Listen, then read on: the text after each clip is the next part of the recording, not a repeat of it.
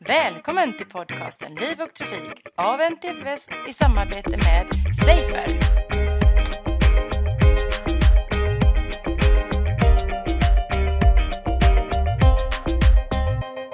Liv och Trafikpodden är idag på Tylösandsseminariet och träffar Maria Kraft som är måldirektör på Trafikverket. Välkommen till podden Maria. Stort tack. Eh, fokus idag på det här seminariet är en, en, en del av fokuset är omtaget av nollvisionen och eh, en central idé är ju att det ska vara lätt att göra rätt. Nej, och det tror jag är hela idén med nollvisionen, både lätt att göra rätt så att man styran, stödjer att göra rätt, att det är en naturlig del eh, och också så långt som möjligt bygga bort sånt som är farligt. Så att eh, ja, det passar väl in. Det passar väl in. Och du pratade också om att säkerhet måste vara en del av stadsplaneringen. Hur, hur tänker man då? Hur menar Trafikverket med det? Städerna idag pratar jättemycket om den goda staden, hur den kan vara attraktiv och, och många gånger handlar det om luften eller trygghet för barnen eller överhuvudtaget utformning och så. Men hur man än vänder och vrider, om man ska få, få bort buller, om man ska få barn att kunna gå och cykla till skolan, om man ska få trivsel och hela den här stadsmiljön att liksom växa och, och, och vara intressant, så bygger det på att du har en, en ganska låg hastighet. Antingen att du inte har någon trafik alls i vissa miljöer eller där den går så ska den vara liksom säkerställd. Den ska vara långsam, jämn och låg. Det är en attraktiv stad. Det är där man vill vara. Då kan jag tänka mig att stanna kvar i den miljön än att ta mig utanför stan bara för att jag vill komma bort från trafiken. Och då nämnde du någonting som är, verkar vara ganska hett just nu, ganska nytt och, och hett som sagt va? Något som kallas för geofencing. Ja. Vad är det för någonting? Så det är egentligen ett begrepp att säga att det är ett visst område man pratar om. Så geofencing betyder geografisk stängsling, engelska ordet. Och eh, Eh, bland annat kan man då, om vi pratar utifrån ett trafiksäkerhetsperspektiv, så är det att man skulle kunna ha en geofensad per, eh, miljö där man hastighetssäkrar. Så att om du tar gågator, torg och sådär där det är väldigt folktätt, där vi inte vill ha massa trafik utan men det är viss nyttotrafik som måste komma in där för drift och underhåll och leverera varor och så vidare. Då kan du villkora att de fordon som överhuvudtaget får vara där, dels så kan du styra vilka fordon som får åka in och det kan man göra digitaliserat. Och sen också att man stryper hastigheten. Det går inte att köra fortare än en viss hastighet. Så skulle det vara 15 till exempel i sådana gångtäta miljöer. Eller man kan tänka sig hela staden om den är 40 km i timmen säkrad. Så kan man i andra miljöer ha det på det sättet. Och man pratar också om geofencing som att man styr vilken typ av emission emissioner man har från bilarna då, så att det kan vara att man bara accepterar eldrift inom ett visst område. Eh, och det här är liksom, det kan du använda den nya tekniken för. Det vi försöker ta höjd för det är att vad är det vi kan göra redan idag för att bättre säkerställa den här hastigheten och för att möta den här nya tekniken som kommer. Så vad, hur kan man både jobba med fysisk utformning, uppgradera fordon som redan finns där idag som levererar gods till exempel och det här har vi ett gemensamt arbete med fordonsindustrin och de två största städerna i landet för att hitta lösningar på. Ja, det, det låter ju onekligen som ett, ett, bra sätt, ett enkelt sätt att göra rätt som vi pratar om.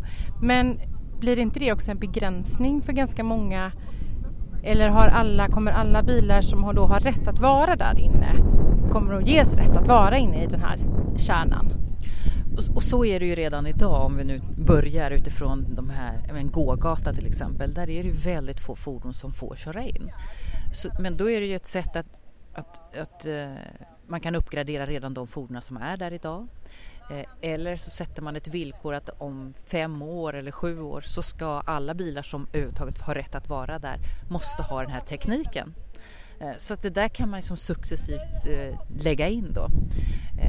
Så, så det är inte konstigare än så. Men att den här frågan har fått sån har blivit så het.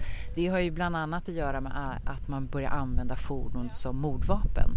Så att man också av, av terroristskäl liksom vill säkerställa eh, stadsmiljön.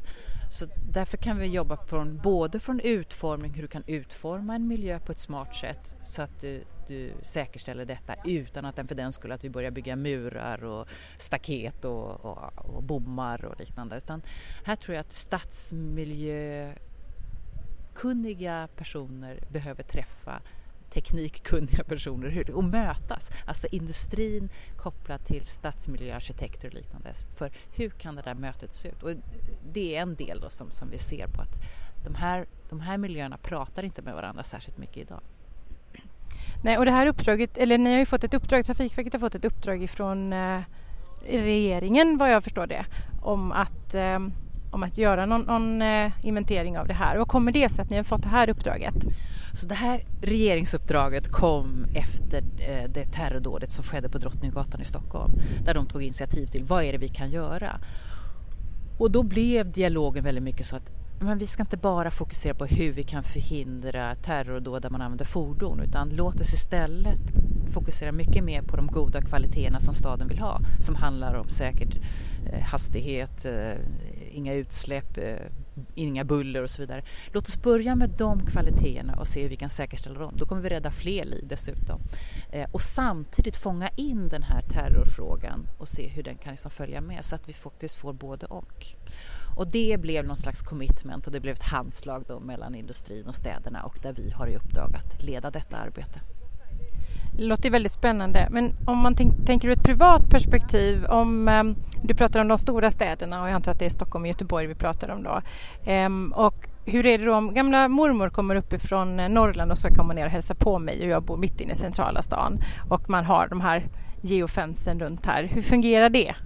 Om vi leker i framtiden då och säger att du bor i ett bostadsområde där man har villkorat vilka fordon som får gå där och då är det nyttotrafiken som får gå där och kollektivtrafiken och så vidare. Men, men privatbilister får inte åka där i den miljön då kommer hon få ställa sig utanför och sen så kanske hon kan åka in med en annan typ av kollektivtrafik som, som klarar de här villkoren eh, därför att de är geofensade utifrån de förutsättningar som gäller. Så skulle man kunna tänka sig att det är framtiden. Alltså det är ett sätt också att styra hur mycket trafik vill vi ha i vissa områden.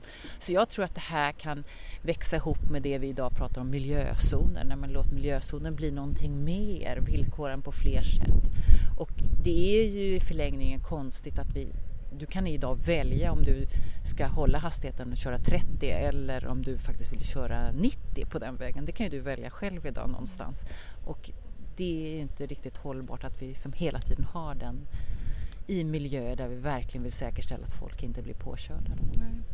Nej, men det är intressant att höra för det var, det var min första tanke när jag hörde okej okay, hur blir det för privat privatbilisterna som ska komma in och hälsa på för människor bor ju trots allt ändå centralt inne i stan men, men då vänder man på det också lite som du säger att det är faktiskt ett man ser det ur ett miljöperspektiv också. Mm. Spännande! Stort lycka till i framtiden med det här uppdraget då. Mm. Stort tack! Tack ska du ha. Det var allt från Liv och Trafikpodden för den här gången. Jag heter Anna Svedestam och tack för att du har lyssnat.